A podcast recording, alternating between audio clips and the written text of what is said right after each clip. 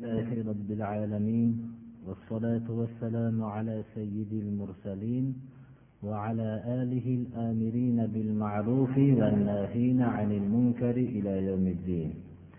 أما بعد السلام عليكم ورحمة الله. qur'oni karimdan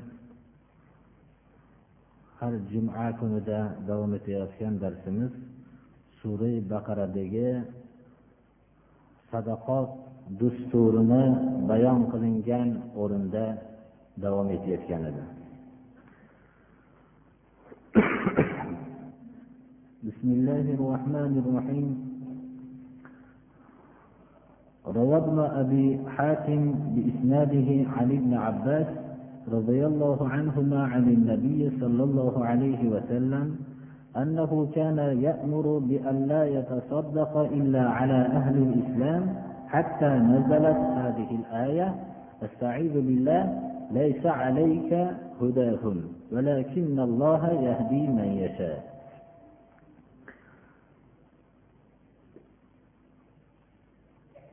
ibn abi hotim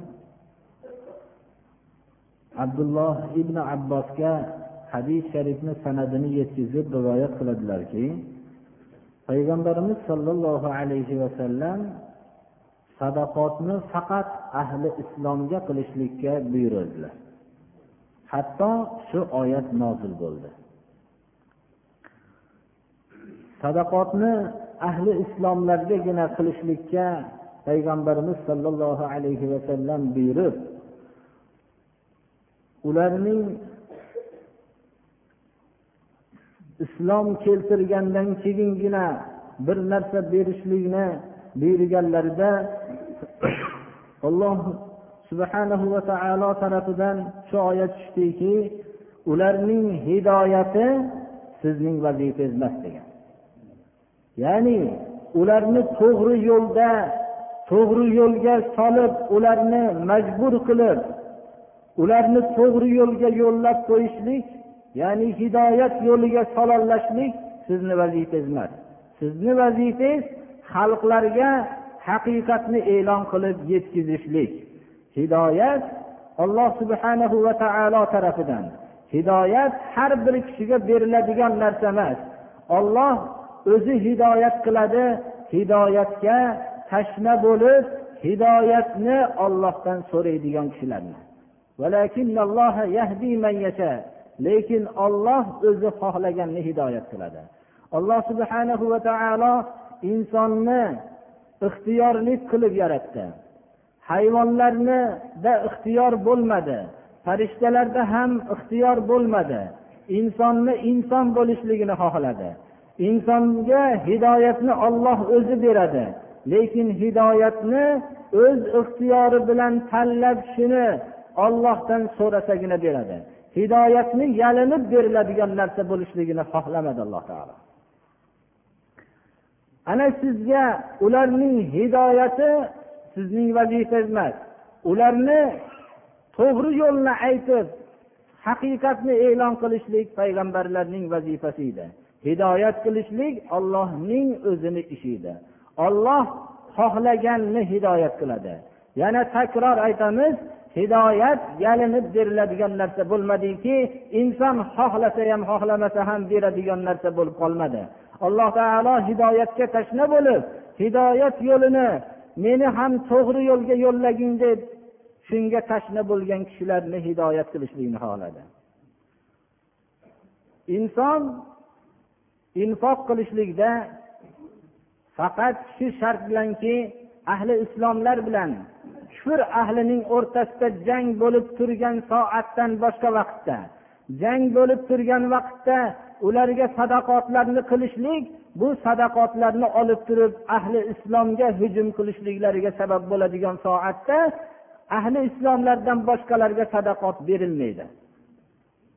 Ammo tinchlik xotirjam ahli islom bilan ahli kufr o'rtasida jang bo'lmay turgan vaqtlarda unda sadaqotni ahli islom bo'lmagan kishilarga ham berilsa ahli islomlardagi bu xususiyatni ko'rib turib hidoyatga sabab bo'lib qolishlari mumkin.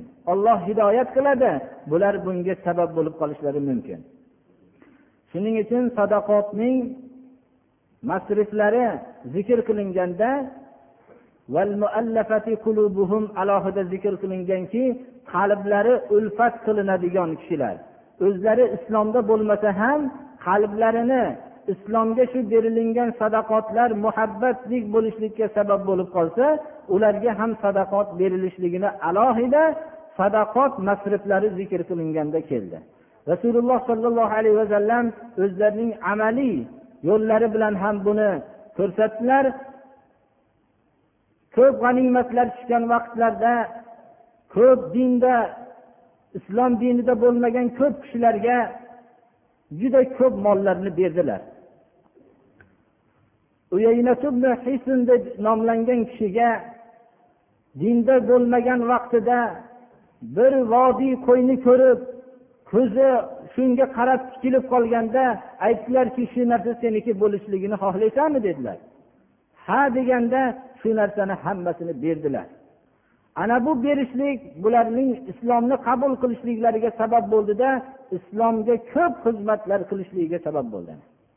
Shuning uchun ham ba'zi vaqtlarda shu masala so'raladi sadaqotlarni berishlik ahli islom bo'lmagan kishilarning hidoyatlariga agar sabab bo'lib qolinsa bu nihoyatda yaxshi bo'ladi.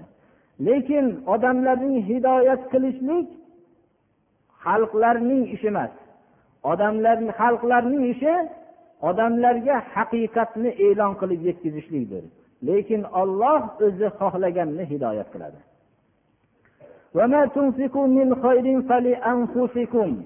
Mo'min kishini tasavvuri shunday bo'lishi kerakki bir yaxshilikni sarf qilgan bo'lsanglar bu yaxshilik faqat o'zinglarni foydanglargadir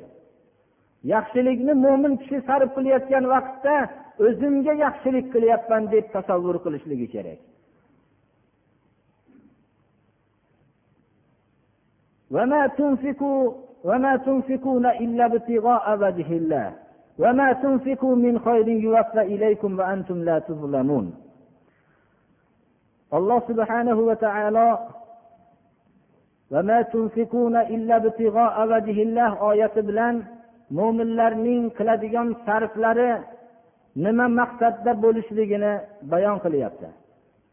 Mo'min kishidan boshqa kishining tasavvuri shunday bo'lishligi mumkin emas. Mo'min kishi bir infoq qilgisi kelib qolib infoq qilmaydi. Mo'min kishi biror bir g'araz maqsad bilan infoq qilmaydi. Mo'min kishi odamlar mening infoqimni haqida nimalar derkin deb infoq qilmaydi. Mo'min kishi odamlarning bo'yniga minib olishlik uchun infoq qilmaydi. Mo'min kishi odamlarga o'zlarining shu sarfi bilan zo'ravonlik qilishlik uchun infoq qilmaydi. Mo'min kishi biror bir hukmdorning ko'nglini olishlik uchun infoq qilmaydi. Mo'min kishi o'zining ko'ksiga biror nishonani taqilishlik uchun infoq qilmaydi. Mo'min kishi mana bu oyat qana nima uchun infoq qilishligini bayon qilyaptiki? Ollohni rizosini istabgina sizlar sarf qilasizlar mo'min kishining tasavvurida faqat ollohning rizosini istashlik bo'ladi xolos. Shuning uchun odamlarning hidoyatga tushmayotganligi yoyinki mo'min bo'lmasligi sizlarning sarf qilishliginglar yo'lini to'sib qolmasin. Faqat ollohning rizosini istabgina sizlar sarf qilasizlar. Ana mo'min kishi sarf qilayotgan vaqtda o'ziga sarf qilgan narsasi savobini yetarli bo'lmay qolishligidan qo'rqmaydi. Ollohni huzurida topolmay qolishligidan qo'rqmaydi.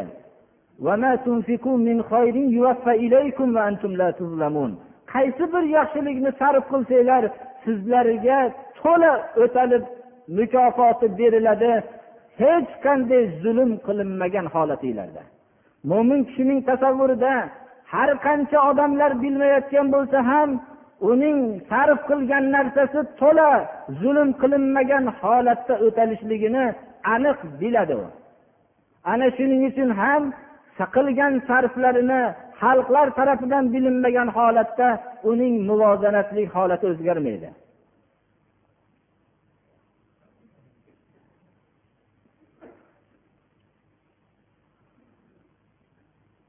Alloh subhanahu va taolo mana bu joyda sarfning zikri bo'layotgan o'rinda sarf qilinadigan o'rinlardan bittasini alohida zikr qilib o'tadi. Bu alohida zikr qilinishligi shu vaqtdagi bu sarf qilinadigan o'rinni ko'p kishilar bilmay qolishlari mumkin bo'lganligidan va hamma zamonlarda ham shunday pok qalbli kishilar har qancha muhtoj bo'lishsalar ham o'zlarining ehtiyojotlarini ulug'vorliklaridan xalqlarga bildirmay yura olganligini shu sabab bilan ularning ehtiyojotlarini xalqlar sezishga harakat qilishliklariga targ'ibni ifoda qiladi bu oyat. Rasululloh sollallohu alayhi vasallamning masjidlarida ahli suffalar bor edi. Muhojirlar makkadan madinaga mollarini joylarini hamma qarindoshlarini kasb qiladigan o'rinlarini hammasini tashlab kelishgan edilar. Lekin madinaga kelganlarida ham ular o'zlarining ehtiyojotlarini bildirishmasdilar. O'zlarining qalblaridagi ulug'vorlik sababli bildirishmasdilar. Xususan ahli sufalar o'zlarini rasululloh sollallohu alayhi vasallamning masjidlaridagi suffada shu yerda o'rin olishgan edilar. Bularning ba'zilarining maqsadlari faqat jihod chaqiruvchisi chaqirilganda labbay deb kechikmasdan chiqishlik uchun hozir turishardilar. Yana bir qismlari rasululloh sollallohu alayhi vasallamning hujralariga mabodo bir dushman zarar yetkazib qo'ymasligi uchun shu suffadan jilmasdan turishardilar.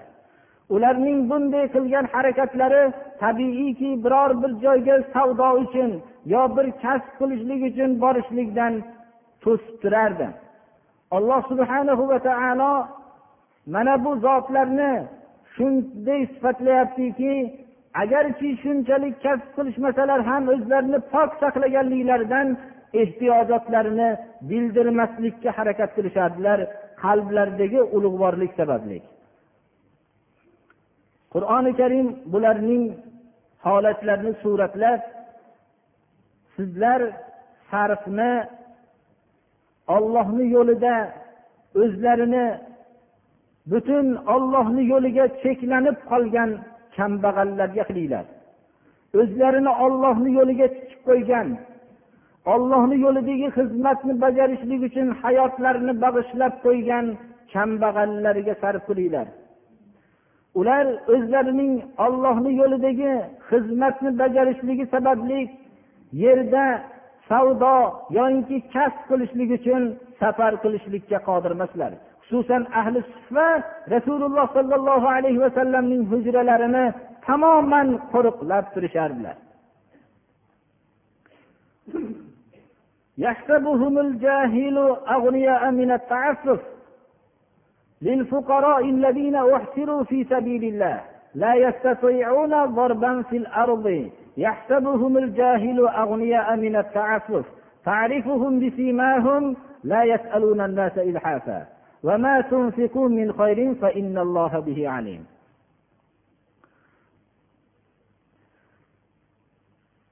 ana ollohni yo'liga o'zlarini shu yo'lga cheklanib qolgan o'zlarini shu yo'lga bag'ishlagan kambag'allarga sarf qilinglar ular o'zlarini ollohni yo'liga bog'lab qo'yishganliklari sababli yerda savdo kasb qilishlik uchun qodir bo'lishmaydi. Bularning holini bilmagan kishi ular ehtiyojotlarini oshkor qilmaganligidan oshkor qilishlikdan o'zlarini pok saqlaganligidan ularning holini bilmagan kishi kambag'al deb o'ylaydi. Davlatmas davlati yo'q deb o'ylaydi. Balki yo'q kambag'al o'zini hojatini bekitishlikdan pok saqlaganlikdan odamlar ularni holatini bilmagan kishilar davlatmand kishilar deb o'ylaydi. Shunday ulug'vorlik tabiati bilan saqlashadilar. Ammo farosat bilan qaragan kishi ularning belgilaridan muhotab siz ularni bilib olasiz. Yaxshiroq farosat bilan qarasa ularning ehtiyojotlarini bilib qolasiz. Ular o'zlarining ehtiyojotlarini ko'rsatishlikdan shunday pok ehtiyot bo'lishadilarki avratlarini bekitgandek hojatlarini bekitishadilar. Ana unday kishilarga sarf qilishlikka alloh subhanahu va taolo buyuryapti. Shuncha ehtiyojotlari bo'lishligiga qaramasdan odamlarga osilib olib ya'ni qaytib qaytib so'rashmaydilar ular.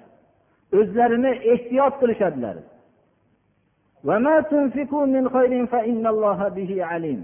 Bunday kishilarniga infoq qilishlik hojatlarni bekitishlik kishilarga hojatlarni bildirishlikdan juda ehtiyot bo'lib uyalib turgan kishilarga infoq albatta maxfiy bo'lganligi maxfiy bo'lishlikka alloh subhana va taolo targ'ib qilyaptiki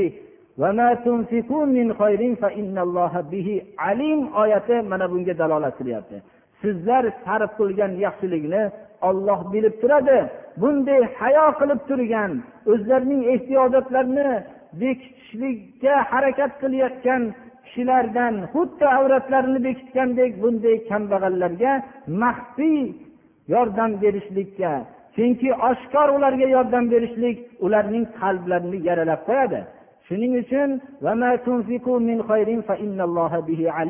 sizlar sarf qilgan yaxshilik olloh bilib turadi boshqalar bilmayotgan bo'lsa ham.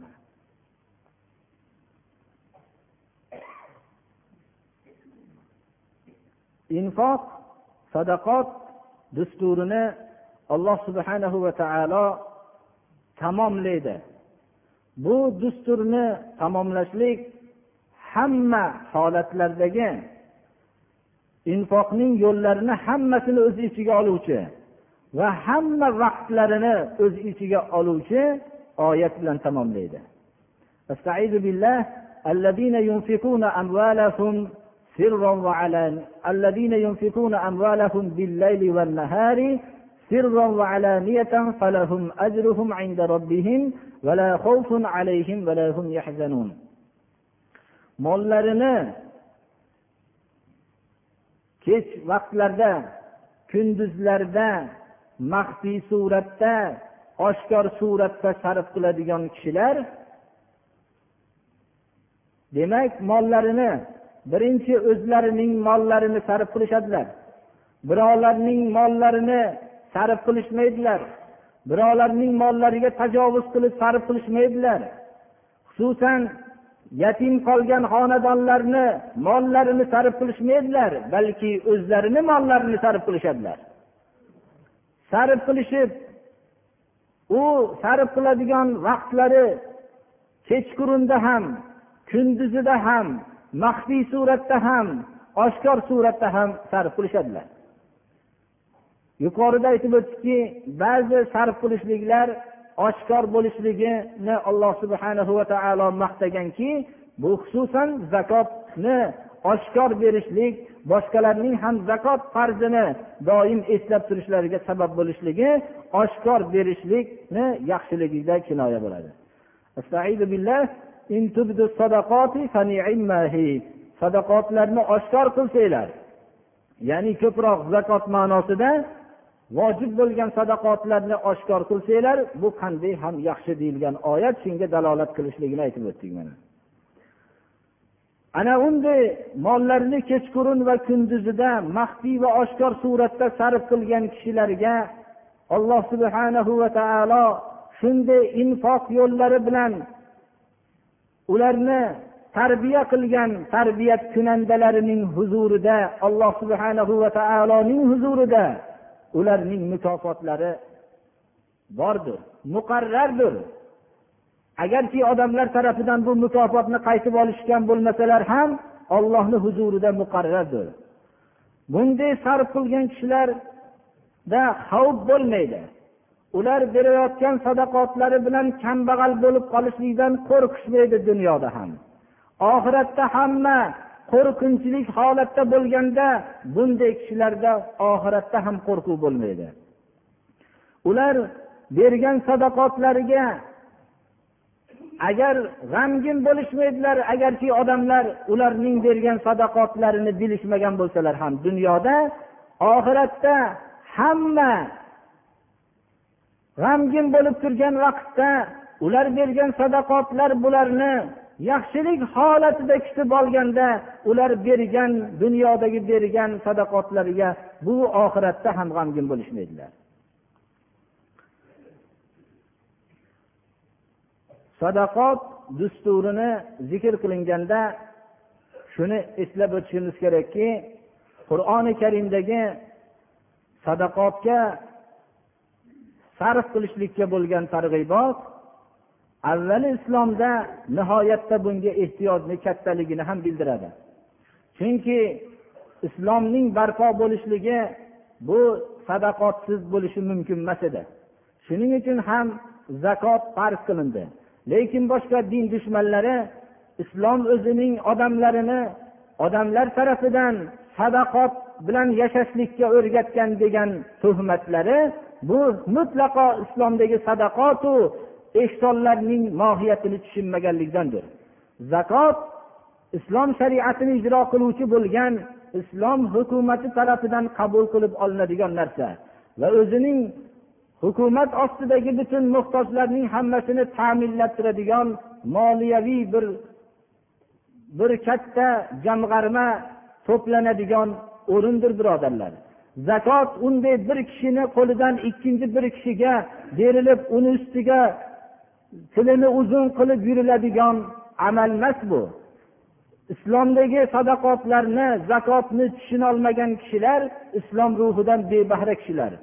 Agar islomiy sharoitlarga murojaat qilinsa xususan islom tarixiga murojaat qilinsa bu zakotlar butun umumiy suratda xalqlardagi ehtiyojotlarning ta'minlaydigan jamg'arma o'rni bo'lib kelgan birodarlar.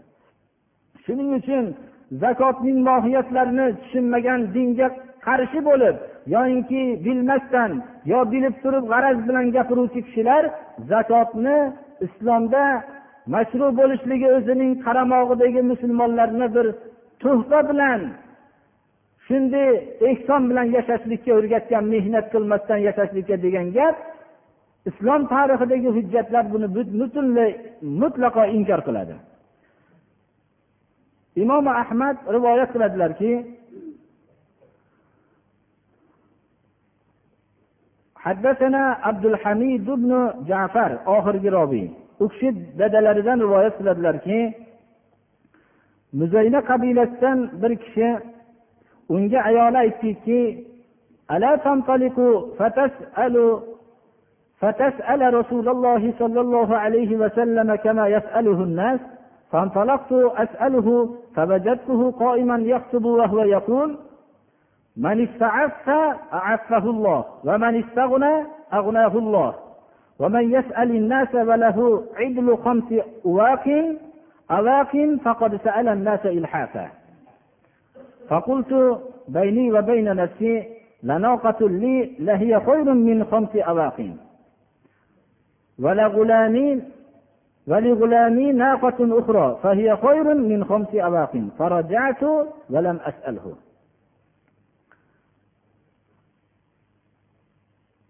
bu kishining ayoli aytdiki siz ham borib rasululloh sollallohu alayhi vasallamdan biror bir narsa so'rab olib kelmaysizmi odamlar so'ragandek deb aytdi. Men bordim rasululloh sollallohu alayhi vasallamni xutba o'qib turganlik holatda topdim. Xutbalarida aytardilarki kim o'zini pok saqlab ehtiyojini odamlarga bildirmasa olloh ham uni pok qilib pok suratda yetkazadi. Kim o'zini behojat sanab o'zini davlatmanga o'xshatib o'zini ehtiyojini bildirmay yursa olloh uni davlatman qiladi. Kim odamlardan so'rasa besh uqiya xurmosi bo'lgan holatda u odamlardan mahkam turib so'ragan hisoblanadi degan so'zlarni eshitdim. O'zimcha aytdimki meni bir tuyam borki bir dona tuyalari bor bo'lgan kishi aytyaptilar. Bu besh uqiya miqdordagi xurmodan yaxshiroq. Xizmatkorimni ham bitta tuyasi borki u ham besh uqiya miqdordagi xurmodan yaxshiroq dedimda so'ramasdan qaytdim deydilar rasululloh sollallohu alayhi vasallam yana aytdilarki ولا اللقمة واللقمتان إنما المسكين الذي يتعفف اقرأوا إن شئتم يعني قوله استعيذ بالله لا يسألون الناس إلحافا abu hurayra rivoyat qiladilar. Payg'ambarimiz sollallohu alayhi vasallam aytdilarki kambag'al kishi deb bitta xurmo yo ikki dona xurmo bersa yo bir luqma ovqat yo ikki luqma ovqat bersa shu unga yetarli bo'lgan odam miskin emas dedilar. Kambag'al deb buni aytmaymiz. Kambag'al deb o'zini muhtojligini bekitib yurolmagan odamni kambag'al deymiz dedilar. Va abu hurayra shuni hujjatiga aytdilarki o'qinglar mana qur'oni karimda odamlardan qattiq so'ramaydigan kishilarni kambag'al deb alloh taolo nomlayapti mana. Bu hadislardan bizga ma'lum bo'ladiki islom o'zining muhtoj bo'lgan odamlarni so'ramaslikni ta'lim bergan. Hatto shunchalik muhtoj bo'lgan vaqtlarda ham kishilar o'zlarini so'rashlikdan islom ruhini tarbiyasi ostida shuni tarbiyalanishib odamlardan bir narsa so'rashmaganlar. Ularni islom bu bilan ehtiyojotlarni o'zi tarafidan ta'minlanishligiga o'rgatganligini bildiradi.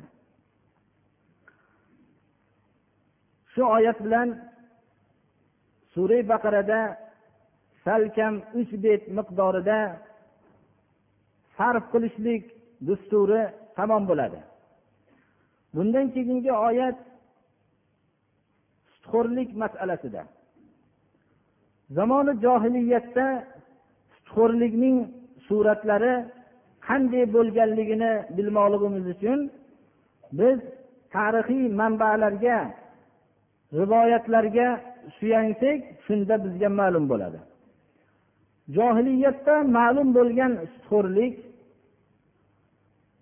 ikki suratni asosan tashkil qilgan bittasi nasiya suratida o'taladigan sutxo'rlik bittasi ortiqcha berishlik suratida o'taladigan sutxo'rlikdir ammo nasiya suratida o'taladigan sutxo'rlik qatoda roziyallohu anhu rivoyat qiladilar bu haqda إن ربا أهل الجاهلية يبيع الرجل البيع إلى أجل مسمى فإذا حل الأجل لم ولم يكن عند صاحبه قضاء زاده وأخر عنه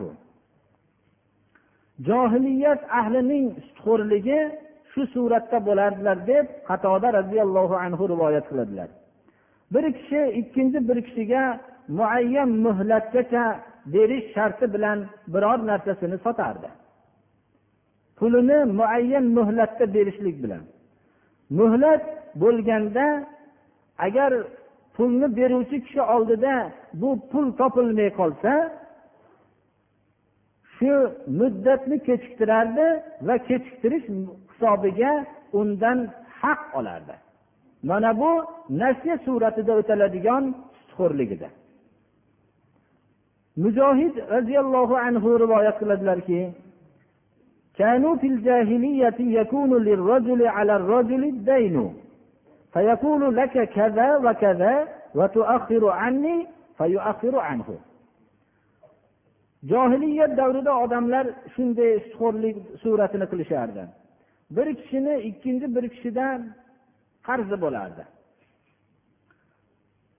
qarzni o'tolmagan kishi yoyinki qarz olishlik vaqtida senga shuncha shuncha muhlat menga shuncha shuncha muhlat bergin deb talab qilardi yoyinki qarzni beruvchi kishi senga shuncha shuncha muhlatlar beraman va qarzni sen kechiktiribroq berasan uni muqobalasiga shu narsalarni o'taysan derdi bu ham nasiya suratida o'taladigan sutxo'rlik edi abu bakrinil jassos mufassir ulamolardan bu kishi bu kishi aytadilarki johiliyat vaqtidagi ribo إنه معلوم أن ربا الجاهلية إنما كان قرضا مؤجلا بزيادة مشروطة فكانت الزيادة بدلا من الأجل فأبتله الله تعالى johiliyatdagi sutxo'rlik bir muhlatlangan qarz bo'lardida shart qilingan ziyoda bilan shu muhlatda o'tolmasa albatta unga qo'shimcha pul berishligi shart edi ziyoda berishlik muhlatni o'rniga bo'lgan edi alloh subhana va taolo bu sutxo'rlikni bekor qildi imom roziy o'zlarining tafsirlarida aytadilarki إن لأن الواحد منهم كان يدفع ماله لغيره إلى أجل على أن يأخذ منه كل شهر قدرا معينا ورأس المال باق بحاله فإذا حل طالبه برأس ماله فإن تعذر عليه الأداء زاده في الحق والأجل nasiya sutxo'rligi johiliyat davrida mashhur bo'lgan edi johiliyat ahllarining bittasi o'zini molini birovga muhlatga berardi shu shart bilanki har bir oyida muayyan bir miqdor olib turaman derdi Dastmoya o'z holida qolardi. Agar muhlat kelishligi bilan qarzni bergan kishi talab qilardida dastmoyani berishlikni. Agar dastmoyani berishlik asli bergan pulni berishlikni bajarish mumkin bo'lmay qolsa haqni ko'paytirardida muhlatni ham uzaytirardi. Mana bu nasiya suratida o'taladigan sutxo'rlikning surati edi favl ortiqcha suratda o'taladigan ribo sutxo'rlik buning surati shuki bir kishi ikkinchi bir kishi bir narsani xuddi shu narsaning muqobalasiga sotardi. Turi bir xil bo'lgan narsani ammo qo'shimcha o'rtada aralashardi masalan oltinni oltinga sotish kumushni kumushga sotish bug'doyni bug'doyga sotish arpani arpaga sotish va hokazo abu saidin hudriydan rivoyat qilinadiki rasululloh sollallohu alayhi vasallam aytdilarki الذهب والبر بالبر والشعير بالشعير والتمر بالتمر والملح بالملح مثلا بمثل يدا بيد فمن زاد أو استزاد فقد أربى الآخذ والمعطي hadis sharifni imom buxoriy imom muslim ikkovlarida ham rivoyat qilingan payg'ambarimiz sollallohu alayhi vasallam aytdilarki oltinni oltin muqobalasiga sotish kumushni kumush muqobalasiga sotish bug'doyni bug'doy muqobalasiga sotish arpani arpa muqobalasiga sotish va xurmoni xurmo muqobalasiga sotish tuzni tuzni muqobalasiga sotish tengma teng bo'lsa va qo'lma qo'l bo'lsa mumkin. Ikkovi bir xilda o'xshash bo'lsa va hamda tengma teng bo'lishligi kerak vazni ham va qo'lma qo'l bo'lishligi kerak naqd bo'lishi kerak bittasi naqd bittasi nasiya bo'lmagan suratda mumkin.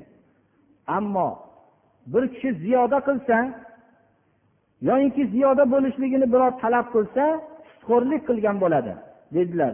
Oluvchi ham beruvchi ham bu sutxo'rlik amalida bab barobardir dedilar abu saidin hudriydan rivoyat qilingan yana bu hadisni o'rgansak yuqoridagi so'zimiz yana ham ravshanroq bo'ladi rasululloh sollallohu alayhi vasallamning oldiga biloli habashiy yaxshi xurmoni olib keldilar xurmo yaxshi xurmonidan olib keldilar فقال له النبي صلى الله عليه وسلم من أين هذا qayerdan olding dedilar قال كان عندنا تمر رديء فبعت منه صاعين بصاعين. فقال أذه عين الربا عين الربا لا تفعل. ولكن إذا أردت أن تشتري فبيع التمر ببيع آخر ثم اشتري به. sharif muttafaqun alay imom buxoriy va imom muslim rivoyat qilganlar yomon yaxshi xurmoni olib kelganlarida so'radilarki qayerdan olib keldik deb biloli habashiydan so'radilar. Rasululloh sollallohu alayhi vasallam javobiga aytdilarki bizda yomon xurmodan bor edi. Xurmoni yomonidan bor edi. Shuni ikki so miqdorini bir so miqdorga sotdim dedilar. Ya'ni yomonidan ikki ulushni berib bir ulush yaxshi xurmoni sotib oldim dedilar. Shunda aytdilarki avvih uf dedilar. Aynu tamir aynu tamir aynu riba aynu riba dedilar. Sutxo'rlikni ayni o'zi dedilar. Sutxo'rlikni ayni o'zi dedilar. Bu ishni qilmang dedilar. Mabodo biror bir yomon mahsulotni yaxshiroq narsaga almashtirmoqchi bo'lsangiz uni o'zini sotingda savdo bilan sotganingizdan keyin pulini olib yaxshisini shu pulga oling dedilar. Mana bunda durust bo'ladi dedilar. Bu ortiqcha ribo sutxo'rlik deb atalgan narsa birodarlar. Avvalgi suratda ribo sutxo'rlik muhlatni ko'paytirib olish bo'lsa qarz bergan suratda yo bir narsani sotgan bo'lsangiz pulini o'tolmay qolsa muayyan bir muhlatni tayin qilsangiz u muhlatda bu berolmay qolsa muhlatni cho'zishlik pul hisobiga bo'lishlik buni nasiya suratda bajariladigan sutxo'rlik deyiladi. Ammo ribal fazl deymiz. Bu ortiqcha bo'ladigan ribo bir mahsulotning ayni shu mahsulotni turiga sotishlik o'zi ko'p berib turib ozrog'i yaxshisiga almashtirishlik bu sutxo'rlikning ortiqcha bajariladigan suratidir ana.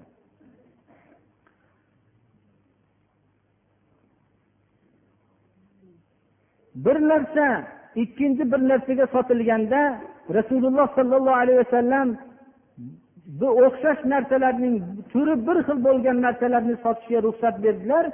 Bir xil bo'lishlik va hamda miqdorda bir xil bo'lishlik va hamda uning qo'lma qo'l shu vaqtda bajarilishligini shart qildilar.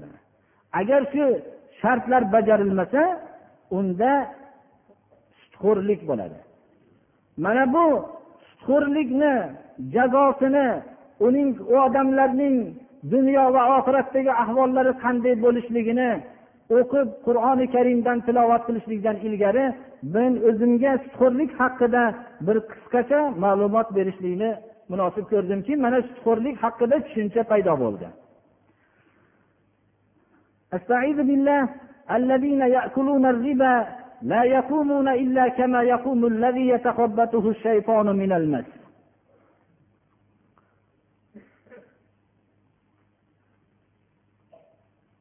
sutxo'rlik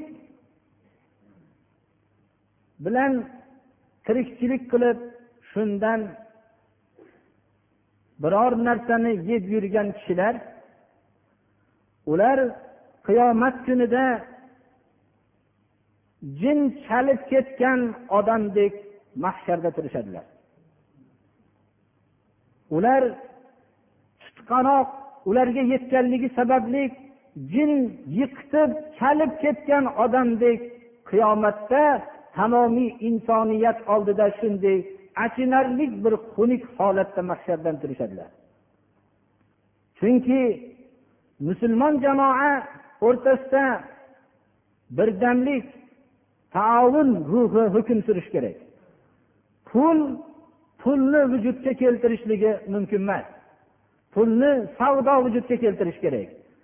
Kasb vujudga keltirish kerak. Bir kishiga alloh subhana va taolo davlat bergan bo'lsa bu davlatni ikkinchi bir kishiga berib turishlik qarzni alloh subhana va taolo o'ziga qarz bergandek deb sanayapti. Kim birovlarga qarz berib turgan bo'lsa menga qarz berib turibdi deb o'zi alloh subhana va taolo kambag'al tarafida shunday turibdi. Shunday bo'lgandan keyin bu pulni qarzga berganligini mukofotini alloh subhana va taoloni huzuridan umid qilishligi kerak edi. O'zining birodariga bu puldan orqali zulm qilmasligi kerak edi. Uni pulidan so'ramasligi kerak edi. Agar bu pulni olib turib foydalanolmagan bo'lsa u qonidan so'rgan bo'lar edi. Shuning uchun musulmonlar jamoasida bunday amalni bo'lishligi mumkin emas edi. Alloh subhanahu va taolo bergan molni bunday qilib foydalanishlik mumkin emas edi. Shuning uchun ollohning maidasiga quloq solmasdan ribo xo'rlikni bilan pul topib yeb yurgan odamlar qiyomat kunida dek kasalga o'xshagan kasallik yetganligidan jin chalib ketgan odamdek mahsharda turishadilar. Bunday achinarli holatlariga sabab bor edi. Sutxo'rlik qilgan kishilar sutxo'rlikning haromligiga rasululloh sollallohu alayhi vasallamning davrida ham e'tiroz bildirishdilar. Ular e'tiroz bildirishib aytishdilarki savdo ham foydani keltiradi. Ribo ham foydani keltiryaptida. Savdodan nima farqi bor deb rasululloh sollallohu alayhi vasallamning sutxo'rlikni harom deb aytgan e'lonlariga bular shunday e'tiroz bildirishdilar. Bu nihoyatda bo'sh e'tirozdir. Chunki savdo savdo ishlari foydani ham qabul qiluvchi ziyonni ham qabul qiluvchi. Savdo qilgan kishilar doim foyda qilmaydi. Foydani ham ziyonni ham qilishadilar. Ammo xo'rlik qilgan kishilarki ular faqat foyda qilishadilar. Ularda zarar bo'lmaydi. Sutxo'rlikni bu savdoga taqqoslashlik nihoyat darajada nodonlikdir bu. Savdo ishlari foydani va ziyonni qabul qiluvchidir.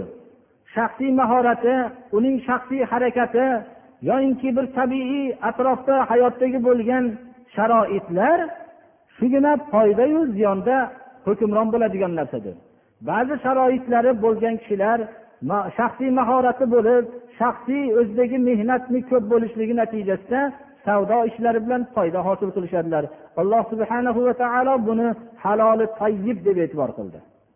Savdoni ba'zi maslaklar savdo qilgan kishilarga qarshi bo'ldi lekin o'zlari ham majbur bo'lishdiki shunday maslakni qurmasa bo'lmasligi yana.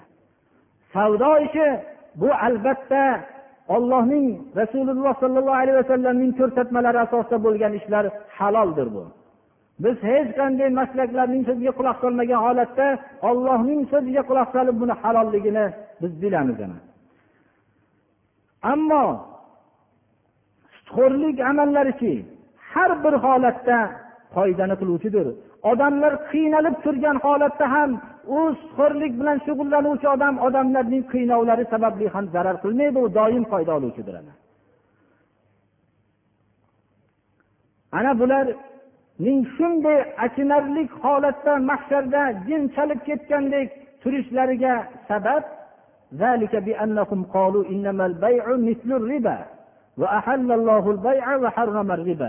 buning sababi ular aytishdiki savdo ham sutxo'rlikka o'xshaganda deyishdi. Vaholanki alloh taolo bayni halol qildi sutxo'rlikni harom qildi. Sutxo'rlik bilan bay o'rtasida juda katta farq bordir. Bay haloldir islomda ammo sutxo'rlik bo'lsa haromdir ollohning harom qilishligi bilan. فمن جاءه موعظة من ربه فانتهى فله ما سلف وأمره إلى الله ومن عاد فأولئك أصحاب النار هم فيها خالدون kimga robbi tarafidan maviza kelsa bu mavizani eshitib o'zining o'tgan hayotidagi qilgan ko'p gunohlarga xususan sutxo'rlik bilan shug'ullangan hayotiga afsus yeb fantaha shu vaqtdan maviza kelishligi bilan to'xtasa o'tgan sutxo'rliklari o'ziga bo'ladi. Ya'ni uni qaytarib olinmaydi o'tgan davrlar deydi. Alloh subhana va taolo insonni taklifda taklifni toqatdan toqatdan tashqarisiga taklif qilmaydi. O'tgan davrlardagi sutxo'rlikni qaytarib berish kerakmi yo'qmi degan savol tug'ilsa endi o'tgan vaqtidagi qilgan sutxo'rliklari o'ziga ya'ni qaytarib berilishligi shart emas uni qaytarib bermaydi. Va amruhu ilalloh. Uni ishi endi ollohga qoladi. Olloh xohlasa kechiradi xohlasa azob beradi. Mana bu narsa har bir gunoh zikr qilinganda olloh kechadi agar qattiq tavba qilsa deb zikr qilinib bu yerda sutxo'rlik zikri kelganda o'tgan sutxo'rliklari endi o'ziga uni qaytarib berishlik qaytarib bermaydi. Ammo ishi ollohga qoladi deganlik sutxo'rlik qanchalik bir katta gunoh ekanligini ko'rsatadi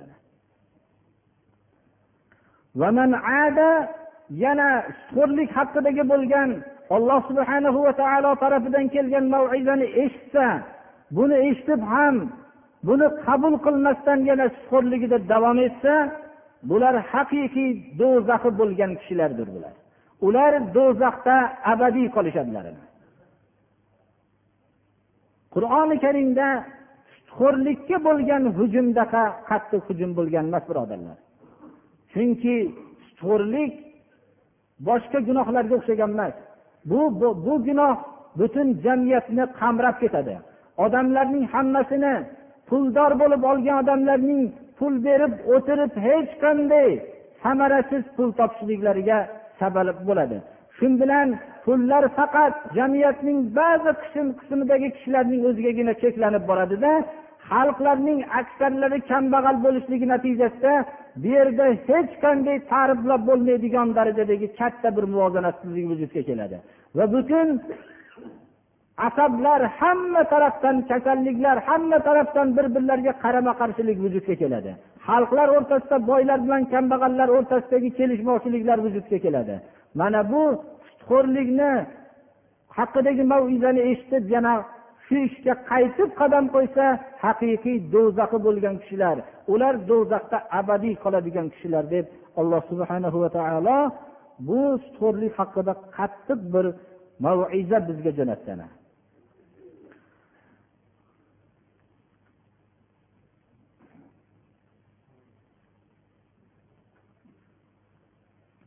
bu haqdagi ribo sutxo'rlik haqidagi bo'lgan oyatlar tamom bo'lmadi inshaalloh kelgusi darsimizda davom ettiramiz آمين اللهم تقبل منا إنك أنت السميع العليم اهدنا الصراط المستقيم صراط الذين أنعمت عليهم غير المغضوب عليهم ولا الضالين o'tgan vaqtda shunday gunohlarni qilgan kishilarni alloh taolo kechirsin shu maviza kelishligi bilan ularga shu mavizani ta'sirlantirsinda shu bilan o'zlarining qilgan gunohlarini shu soatdan to'xtatgan bo'lsin va alloh taolo o'tgan gunohlarni kechirsin. Qolgan umrimizda hammamizni va boshqa birodarlarimizni hammamizni mana shunday gunohlardan o'zi saqlasin. Alloh taolo bizni ham parvardigoro kishilarning hidoyatlanishligiga sabab bo'ladigan kishilardan birodarimiz bilan bizni duo qiling debdilar ikkinchi yana bir kishi bir maktub yozibdilarki birinchi marta bugun bir jumaga kelgan bir singlimiz bor. Shu ko'p qiyinchiliklar tortgan shu haqqiga duo qilinsin dedilar. Debdilar alloh taolo parvardigoro hidoyat yo'lida barqaror qilsin. Va boshqa birodarlarimiz ham duo qiling deb so'ragan birodarlarimiz ham alloh taolo ofiyatda qilsin. Alloh taolo gunohlarimizni mag'firat qilsin ibodatlarimizni qabul qilsin mehmonlarimizni alloh taolo qadamlariga hasanat bersin.